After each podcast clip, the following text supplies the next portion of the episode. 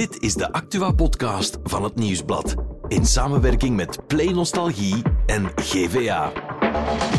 Het is maandag 16 oktober en in Gaza zitten de ziekenhuizen bijna zonder elektriciteit. Vanavond start Erik van Looy aan zijn twintigste seizoen van De Slimste Mens ter wereld. Het is gebeurd. Ja. En in Herenthout is de enige kandidaat voor Prins Carnaval niet verkozen.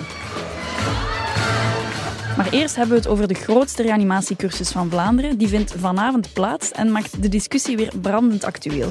Zou iedereen een leven moeten kunnen redden? Mijn naam is Eline van de Gehuchten en dit is The Insider.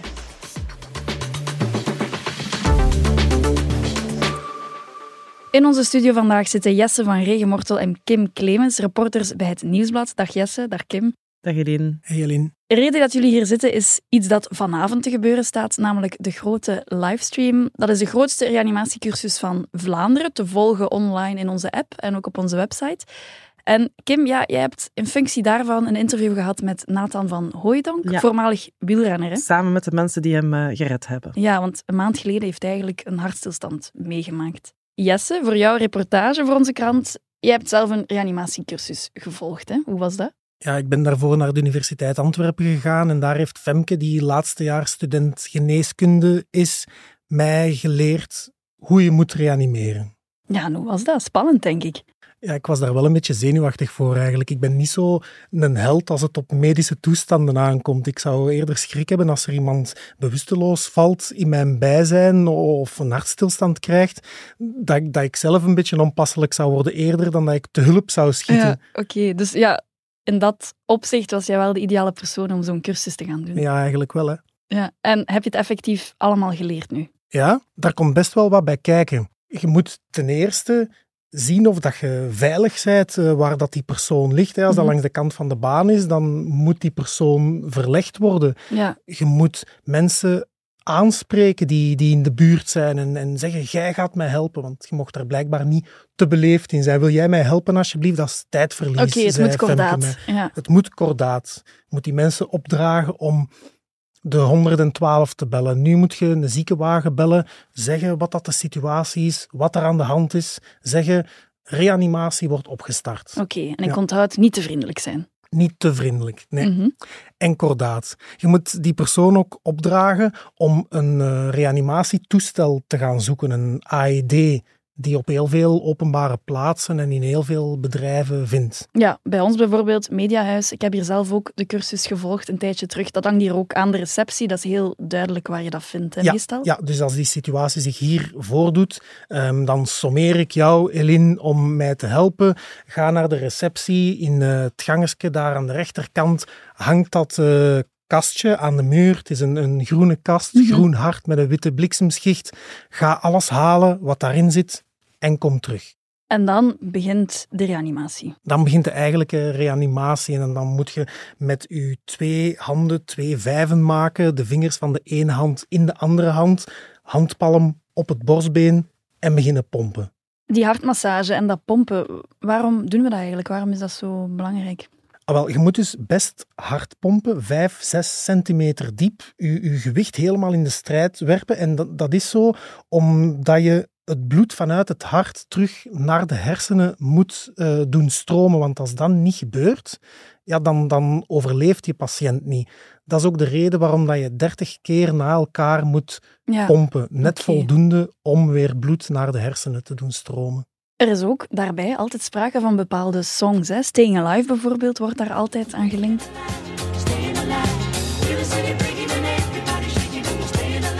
Ja, Stayin' Alive van de Bee Gees, omdat dat het eh, juiste ritme heeft. Je moet pompen 100 tot 120 keer per minuut. Eh Stayin' Alive is 104, denk ik, 104 bpm. Dus dat is net gepast, maar eigenlijk is 10.000 luchtballonnen van K3 nog beter. Dat heeft de 107, dat is nog iets sneller. Ja, Dat is- 107 beats per minute, dus Ja. dat tempo ligt hoger dan. Klopt. Of ehm, Willy Sommers en Laat de zon in je hart is 117 beats per minute. Dat gaat nog net iets sneller.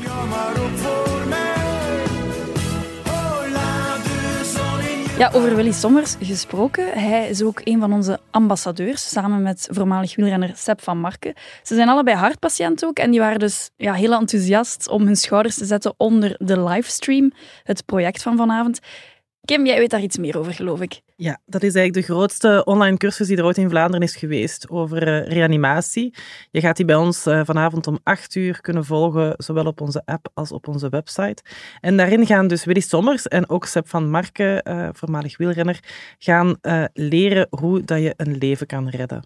Ja, en het concept is een beetje dat ook al heb je maar een beetje kennis, weet je wat je ja. moet doen en kunt je het verschil al, maken. Het is altijd beter van iets te doen dan niets te doen. Dat is eigenlijk de, de essentie. Reanimatie kan dus wel degelijk het verschil maken tussen leven en dood. Dat weet ook Nathan van Hooijdonk. Sportliefhebbers gaan die naam al kennen. Voormalig wielrenner, hij is nog maar 28, maar hij heeft een maand geleden een hartstilstand gekregen. Hij is gered, gelukkig, door reanimatie. Kim, jij hebt Nathan van Hooijdonk geïnterviewd en je bent ook Ja. meegegaan naar zijn redders. Ja, inderdaad. Ja, hoe was dat? Hoe is dat gesprek verlopen? Goh, dat was heel eh, indrukwekkend. Ehm, niet in het minst omdat Nathan van Hooijdonk hen niet eens herkende. Dus die mensen hebben eigenlijk de grootste impact ooit op zijn leven gehad. En hij, ja, hij, Hij heeft het nooit beseft Hij heeft het nooit beseft. Op het moment zelf, hij heeft geen enkele herinnering aan, eh, aan die dag. Aan, eh, zelfs niet aan de uren voordien. Want wat Dus- is er juist gebeurd? Hoe heeft hij die hartstilstand of wanneer heeft hij die gekregen? Wel, hij zat in de auto met zijn eh, op dat moment nog hoogzwangere vrouw Alicia. Eh, ze gingen naar de gynaecoloog en ze stonden aan, het, eh, aan een kruispunt. En op een gegeven moment, het wordt groen en de mensen voor hem vertrekken. Zijn vrouw zegt van, ja, Nathan, vertrek maar. Hij zegt van, oei, ik voel me precies niet zo goed. Ehm, dus hij, hij wil zich op kant zetten en met dezelfde moet hij die hartstilstand hebben gekregen, is die wagen eh, vooruitgeschoten. Hij is op het gaspedaal Ja. staan en heeft eh, vier andere wagens geraakt. Dus eigenlijk een heel groot, een heel groot verkeersongeluk in het midden van Kalmthout op een, op een druk kruispunt. En zelf was hij buiten bewustzijn op Ja. dat moment. Ja, maar dus het, de, het grote geluk is dat dat kruispunt zich, ja, daar, net aan dat kruispunt is ook het kantoor van de politie. Dus daar zaten drie, eh er zaten nou meer dan drie politiemensen natuurlijk, maar eh één daarvan, eh, Jelle, die, die hoorde meteen die, die gierende banden, die ging gaan kijken. En het geluk wil dat hij in een vorig leven was die brandweerman ambulancier. Ja, dus die, dus die wist ook meteen Ja. wat hem te doen Ja. stond. die heeft meteen iedereen opgetrommeld om mee naar buiten te gaan, om te gaan checken in alle voertuigen van hoe is de toestand hier van die mensen. Zag meteen van ja, die Nathan van Oudonk, wist, nog, wist op dat moment natuurlijk niet wie het was, maar die, eh, die jonge man, dat ziet er niet goed uit. Toevallig was daar ook een, eh, een huisarts vanuit de buurt die, eh, die ook in die file stond, die zijn pols al aan het nemen was. Die toen zag van ja, hij heeft nog een lichte pols. Maar op een gegeven moment is die polsslag weggevallen. Dan hebben ze niet geaarzeld, hebben ze eigenlijk meteen hem uit de wagen gehaald en, en platgelegd. Ze hebben iemand gevraagd om een AED-machine te gaan halen. Jelle is meteen begonnen met de hartmassage. Ook zijn collega Michel die is begonnen met mond-op-mond beademing. En eh, Carina van het onthaal, die eh, heeft dan die AED-machine genomen. Die had net een cursus gehad, dus die wist hoe die moest... eh, Ja, zij wist ook Ja. wat ze moest doen. ja, wist wat ze moest doen. Dus zij heeft meteen die, die plakkers juist geplakt. Die AED-machine heeft een schok toegebracht. En dat heeft eigenlijk ja, zijn leven gered op dat Ja. moment. Het is eigenlijk echt een schoolvoorbeeld van, van zo'n stappenplan, hè, Ja. van wat dat je moet doen. Ja, daar was echt, dat was een goed geoliede machine. Je merkte dat ook als je, dat, als je praatte met hen. Ehm waar dat Jelle echt het, de leiding heeft genomen en, eh, en, en iedereen zijn... en kordaat dus eigenlijk. Die, ja. Ja, ja, heeft echt gedaan. eh, gegeven. want als ik dat nu hoor van dat kordaat sommeren, eh, dat zal daar wel gebeurd zijn, denk ik. Ja, Kim, een zinnetje dat ik heb onthouden uit jouw reportage kwam van Jelle, geloof ik, of van een van zijn collega's, de rechercheur, die, die zei... ehm, ja, Nathan, ik hoop dat je geen nachtmerries hebt overgehouden aan een man met baard die u eh, heeft gekust. Ja, ik vond dat heel schoon gezegd, ook grappig, maar misschien toont het ook wel dat er nog af en toe een drempel bestaat rond die mond-op-mond beademing. Is dat eigenlijk nodig? Want we spreken van hartmassage, er is ook die mond-op-mond beademing. Ja, hoe, hoe zit dat juist daarmee? Het wordt alleszins terug toegepast. Dus het is een tijdje weg geweest door corona, dat mensen het niet meer deden. Maar nu wordt het in de cursussen er terug bijgehaald. Wat toch ook wel een, een belangrijke stap is. Nu, als je dat niet durft of niet goed weet hoe of wat, ja, hartmassage is wel het belangrijkste. Maar die mond-op-mond, je moet daar eigenlijk geen, geen schroom voor hebben. In de AED-machine, in de, de doos, daar zit een mondmaskertje in dat je kan gebruiken om ertussen te zetten. Maar in Dus, principe eh, is, het, is het niet nodig, of dan toch wel? Jesse, heb jij dat ook geleerd op de cursus? In de cursus leren ze op dit moment inderdaad opnieuw 30 keer pompen, twee keer beademen. Maar het is effectief beter om alleen te pompen, alleen de hartmassage te doen en niet te beademen, dan om helemaal niks te doen, uiteraard. Ja, oké. Ja, wat ik ook uit dit verhaal onthoud, of wat mij persoonlijk bijblijft, Nathan van Hooijdonk, die is nog maar 28. Dat is heel jong, een hartstilstand. Ik link Ja. dat nog steeds aan misschien toch een ouder publiek, maar ik Ja. ben daar fout in wellicht. Ja, omdat je niet weet wat dat iemand zijn, zijn toestand is natuurlijk. Bij Nathan van Hooijdonk eh, had hij een eh, te grote rechterhartkamer. Dat had hij al tevoren. Is blijkbaar niet abnormaal bij sporters, dus er had nooit iemand aan eh, de alarmbel getrokken. Maar door dat intensief sport was dat blijkbaar zo groot geworden dat hij dan risico's liep. Dat is dan een, een soort van hartritmestoornis. Maar je weet eigenlijk niet wat dat jou gaat overkomen. Hè. Ik heb nog iemand anders gesproken, een minder bekend persoon die ook een collega had eh, gereanimeerd. En die is jeugdtrainer bij het voetbal. En die vond het in, dat- in dat kader juist heel belangrijk om een cursus te volgen, omdat, omdat je toch wel vaker hoort, ook van jonge spelers, dat die iets aan hun hart krijgen. Dus ja, het kan eigenlijk iedereen eh, op elk moment overkomen, om nu niet zo heel doemdenkerig te klinken, maar het is wel zo.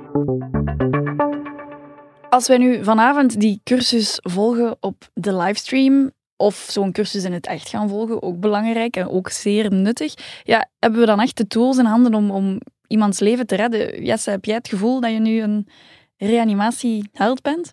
Een held niet, maar toch een klein beetje meer dan dat ik daarvoor was. Je gaat niet meer zelf flauw vallen. Ja, ik hoop van niet. Ik denk het ook niet. En daar gaat het ook wel voor een stukje om. Je, je leert praktische stappen om iemand te reanimeren.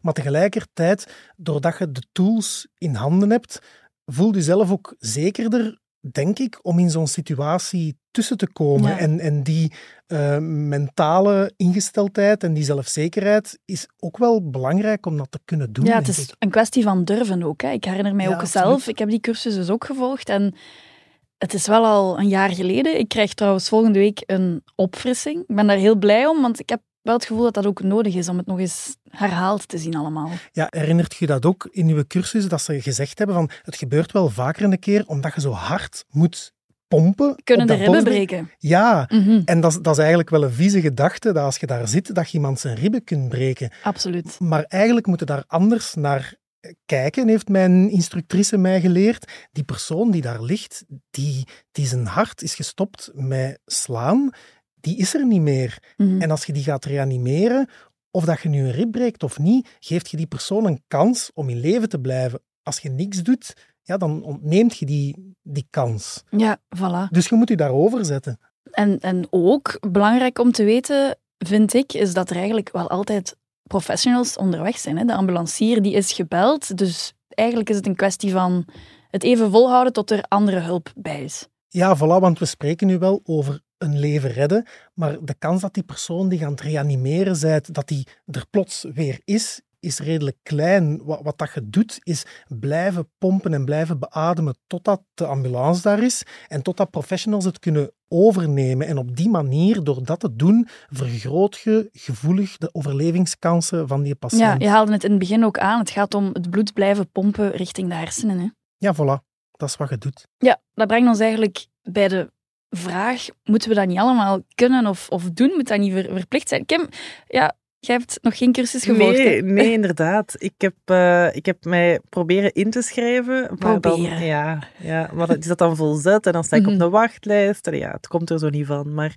ik ben wel gemotiveerd nu. Ja, en er zijn nogthans veel cursussen. hè. Het Rode Kruis biedt dat aan doorheen heel Vlaanderen. Dat is een, een cursus van vier uur en het is gratis. Dus Ja. de drempel hoeft niet zo hoog te Ja, zijn. dat is inderdaad wel, eh, Ja. wel een extra motivatie. En daarnaast ook in de nieuwe eindtermen van het onderwijs voor de tweede en derde graad secundair onderwijs is ehm, reanimatie ook ingeschreven. Dus Oké, dat, levens- dat is nieuw dan echt. Ja, klopt. Sinds, sinds dit schooljaar levensreddende technieken waarbij ook expliciet naar reanimatie met een AED-toestel wordt verwezen, zijn ingeschreven in de eindtermen. Dus het is effectief de bedoeling dat onze middelbare schoolkinderen allemaal leren reanimeren. Dat is wel heel goed. Ik heb uh, de voorbije week nu een aantal interviews gehad met mensen die effectief dankzij zo'n cursus iemand zijn leven hebben gered. Dus ja, dat, dat, is, dat is toch wel spectaculair. En hoe kijken die mensen daar dan nu op terug? Want ik kan me inbeelden dat zo'n moment wel ja, life-changing is, is, of zo. Ja, het is heel dubbel. Hè. Dat is, uh, ik zei daar straks van die man die zijn collega heeft gereanimeerd onlangs. Wel, die moet nu naar de psycholoog gaan om dat eigenlijk allemaal te verwerken. Omdat dat wel een traumatische ervaring is ook. Ja. hij heeft hem wel gered. Ja, ja want die, die blijft daar dat, dat, dat beeld zien van zijn collega die daar, uh, die daar dood lag. En uh, blijft ook nadenken over van ja, wat als het anders was gelopen? Wat als ik het niet had gedaan? Dus ja, hij weet ook wel, op termijn gaat het natuurlijk alleen maar, alleen maar super blij zijn. Hè. Zeker uh, nu ook als je ziet, Nathan van Hooydonk, die is na zijn, uh, na zijn hartstilstand is hij nog papa geworden. Die ja, zijn, een week nadien Ja, zelfs, die had gewoon zijn kind niet kunnen zien, niet kunnen vasthouden als er geen mensen op dat moment hadden beslist van we gaan hier beginnen met die reanimatie. Oké, okay, dan onthoud ik vooral dat we vanavond massaal gaan kijken naar livestream, de online cursus om, uh, om het allemaal te leren. Hè. Trouwens, Eline, nog een praktische mededeling.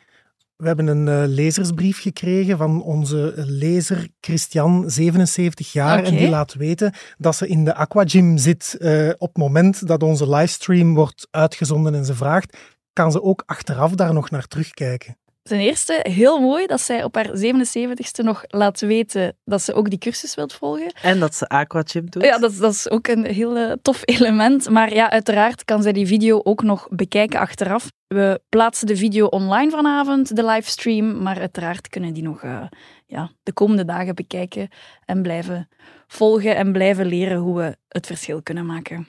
En Christian kan ook luisteren naar onze podcast natuurlijk. Zij kan dat zelfs tijdens de Aquagym doen. Absoluut. Jesse en Kim, dank jullie wel voor jullie expertise. Dat is heel graag gedaan. Dat is graag gedaan, Eline. Als je wil weten hoe je best je pensioen opbouwt, kan je dat vragen aan je broer. Tony! Zeg, Tony! Voor mijn pensioen sparen pak ik best stak 21 of 23? 23! 120 pk, ja! Hoort er eens, Je kan er dus maar beter over praten met de experten van KBC. Via Kate en KBC Mobile, via KBC Live of gewoon via je kantoor of agentschap. Jouw leven, jouw plannen. KBC. Beweegt met je mee. Nog ander nieuws vandaag. Daarvoor kijken we vanzelfsprekend naar Gaza. Bert, jij bent erbij komen zitten. Dag, Wat is de situatie vandaag? Ja, de situatie is zo dat uh, de toestand voor de burgers in Gaza echt steeds nijpender wordt. Um, je weet dat ja, Israël eigenlijk die strook gewoon volledig van de buitenwereld heeft afgesloten. Dat wil zeggen, invoer van voedsel, van water, van brandstof wordt allemaal eigenlijk tegengehouden. En ja, dat wordt natuurlijk met de dag nijpender. Ja, en die, zijn, ja, die Palestijnse burgers die gaan op de vlucht ook. Hè? Ja, die gaan op de vlucht. Israël heeft gezegd, verplaats u naar het zuiden. We gaan vooral in Gaza-stad, in het noorden van de strook, uh, gaan we invallen. Maar dat, dat, is natuurlijk, dat zijn 2 miljoen mensen. Je kan die niet zomaar snel op een dag verplaatsen. Um, nee, belangrijk daarbij is ook dat dat een heel klein gebied is op zich. Hè? Voilà, dat is een heel klein gebied. Bovendien zijn er natuurlijk heel veel mensen die ja, aan de locatie zelf uh, vastgekluisterd zitten, zoals de ziekenhuizen. Ja, daar liggen mensen, maar daar is momenteel ook geen stroom meer. Er is nog, nog benzine om 24 uur lang stroom te voorzien. Dus daar dreigt echt wel een humanitaire ramp. Beste juryleden, ik heb een keuze gemaakt. Na 20 jaar als presentator van de slimste mens ter wereld kies ik.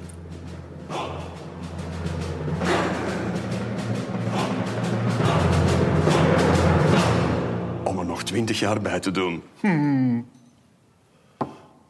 Tenzij er mij iets overkomen, natuurlijk. Maar bon, hoe groot is die kans?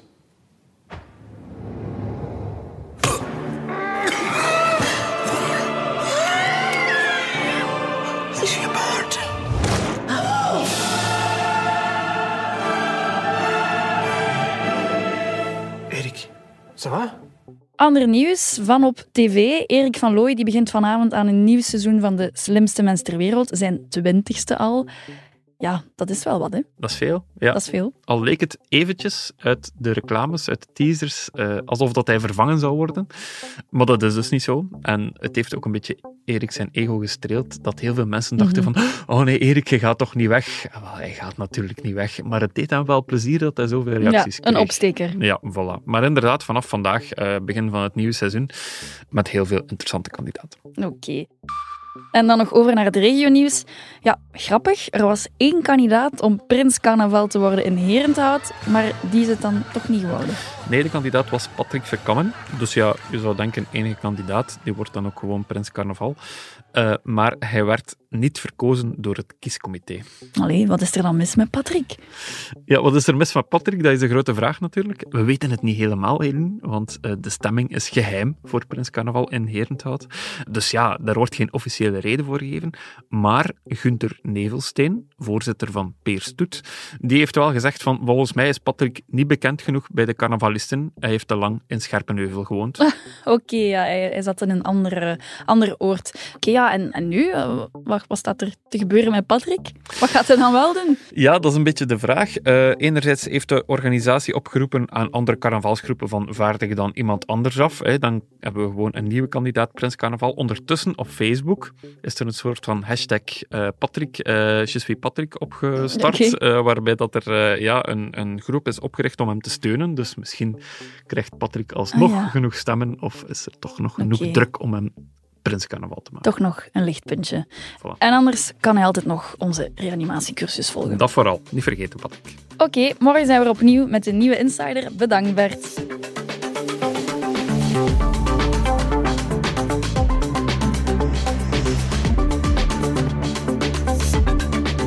Dit was The Insider, een podcast van het Nieuwsblad in samenwerking met Play Nostalgie en GVA.